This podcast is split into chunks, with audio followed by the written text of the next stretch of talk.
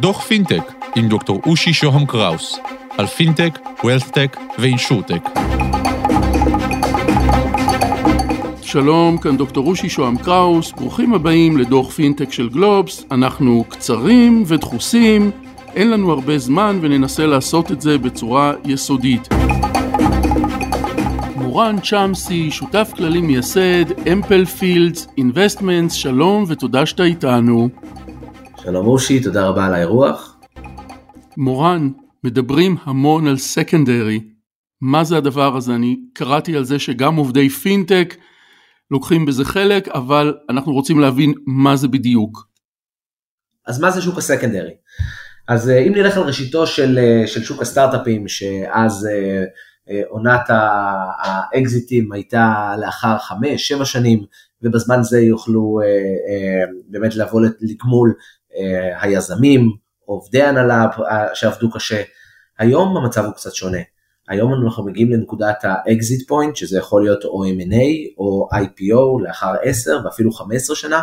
חברות בונות את עצמן לחברות מאוד מאוד גדולות, ונוצר, יש איזה בועה בשוק, יש איזה צורך שצריך למלא אותו. יזם שעובד קשה, ככל שעובד קשה, קשה לו לחכות 10-15 שנים רק כדי לראות את ה... את ה, את ה לראות את נושא פרי, את כל, את כל העמל שלו נושא פרי, ונוצר שוק שהוא שוק משני. זאת אומרת שיש מסחר במניות החברה כחברה פרטית, גם שהיא לא ציבורית.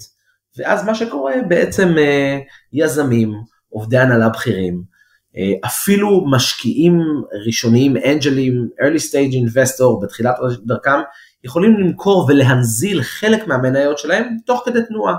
וזה השוק שנקרא סקנדרי, נכנסים משקיעים, שיכולים להיכנס לחברות מסוימות כאלה ואחרות, וההון שלהם הולך לא לחברה, אלא לבעלי מניות פרטיים. ודבר כזה מצריך אה, הסכמה של בעלי החברה, של בעלי המניות הכלליים?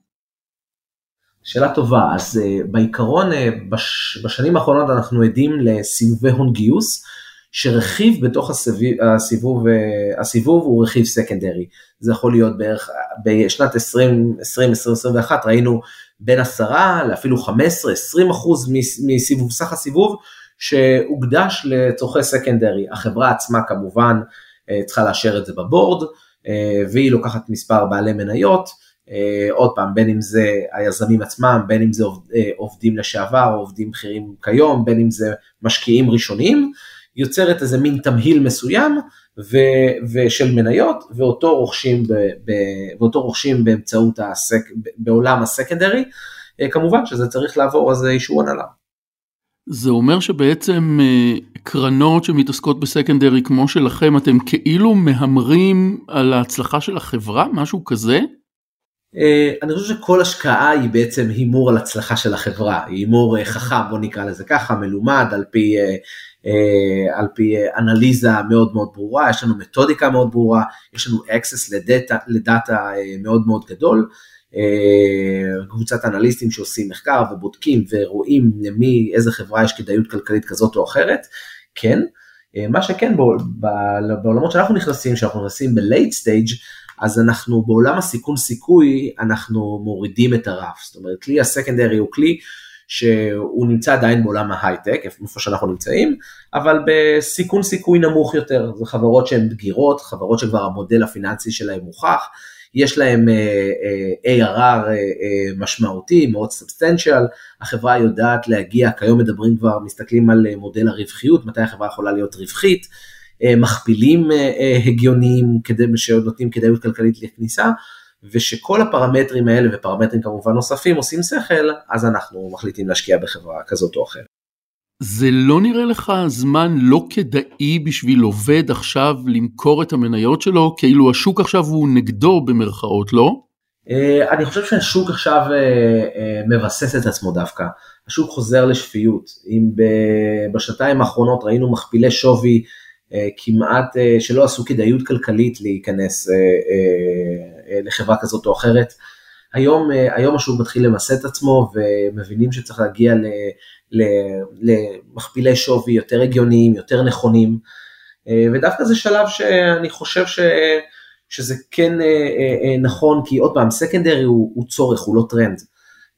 עובדים צריכים אותו, צריכים איזה זריקות עידוד תוך כדי תנועה, יזמים צריכים אותו, משקיעים early stage investor שה liquidity שלהם הוא, רוצים liquidity, רוצים נזילות. הם לא, הסכים, הם לא חשבו לשים את הכסף אה, שישכב במשך 10-15 שנים, אז נכון, הם לא יעשו את המכפילים שהם רצו, אבל יעשו מכפילים מאוד יפים, אה, וזה כן נכון, אה, אני חושב, לעשות עסקאות, ולא רק שאני חושב, אלא אנחנו רואים שעסקאות נעשות, אמנם אנחנו רואים שעסקאות נעשות בזהירות רבה יותר, עם מכפילי שווי יותר אחראיים, והשוק הזה לעניות דעתי הוא רק יצמח, ועכשיו הוא צומח ונבנה מתוך אחריות כלכלית. אתה אומר שהשוק צומח, אולי זה קצת מתגרה לשאול, אבל אתם לא הבאים בתור אה, לקרוס אחרי שוק ההייטק?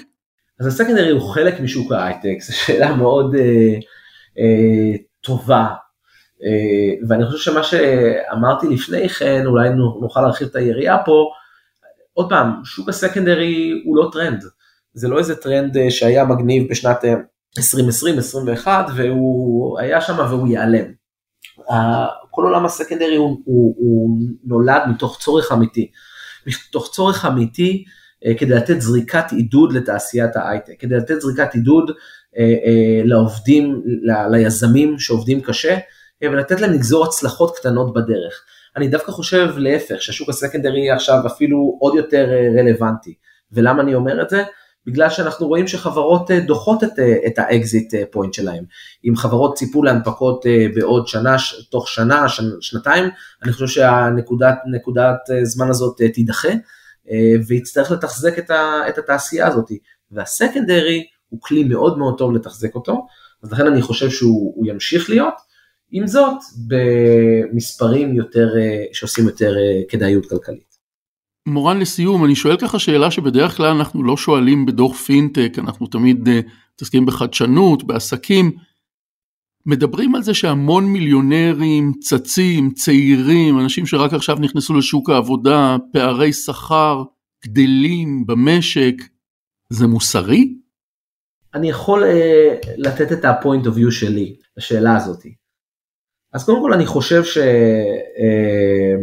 uh, שוק ההייטק הוא מהווה, יש בערך בין 10 ל-12 אחוז עובדים בשוק ההייטק, והוא מהווה בין 25 ל-30 אחוז מהמס שמשולם למדינה, אז uh, אנחנו רואים בברכה uh, את גדילתו uh, של שוק ההייטק, הוא תורם בצורה כזאת או אחרת לכל המעמדים, זאת אומרת המס שהוא משלם הוא, הוא משרת הרבה, הרבה כלים סוציאליים שהמדינה אמונה עליהם, בין אם היא עושה את זה נכון או לא זה כבר שאלה אחרת, אבל הוא ללא ספק מתדלק בצורה אה, אה, טובה את, אה, את, את כל השוק הזה. ואני רוצה להתייחס דווקא בשאלה שלך לאולי לאיזה פן ש, שאחרים אולי לא שמים אליו לב, וזה תחום החינוך. אני חושב שבזמן האחרון אנחנו עדים, וכל מי שהורה לילדים צעירים או, או ילדים מתבגרים רואה ש...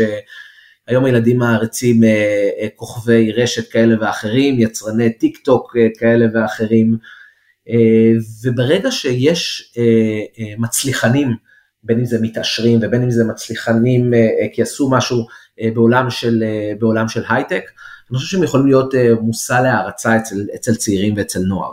זאת אומרת הרעיון, ה point of view שלי הוא שצעירים לא יעריצו את כוכבי הטיק טוק, אלא יעריצו את המייסד של טיק טוק. הם לא יריצו איזה כוכבת רשת באינסטגרם, אלא ירצו ליצור את האינסטגרם הבא. ואני חושב שיש פה מרכיב חינוכי, רק צריך לתת אליו את הדגש ולבנות אותו מאוד נכון במערכת החינוך. אה, וכל אחד רוצה להיות מצליחן, אין מי שלא רוצה להיות מצליחן, והם יכולים להיות אה, מתעשרי ההייטק שהם בעצם מצליחנים ומגיע להם ועשו את זה בזעת אפם, יכולים להוות מודל לחיקוי אה, לדור הצעיר. ואולי זה יכול להיות השינוי שמערכת החינוך אה, צריכה אה, אה, לאמץ לעצמה. מורן צ'אמסי, שותף כללי מייסד, Amplefields Investments, תודה שהיית איתנו. תודה רבה לך אושי. עד כאן על קצה המזלג, ניפגש בדוחות הבאים. תוכלו להאזין לפרקים קודמים של דוח פינטק באתר גלובס. תודה לקווין מקלוד על המוזיקה, להתראות.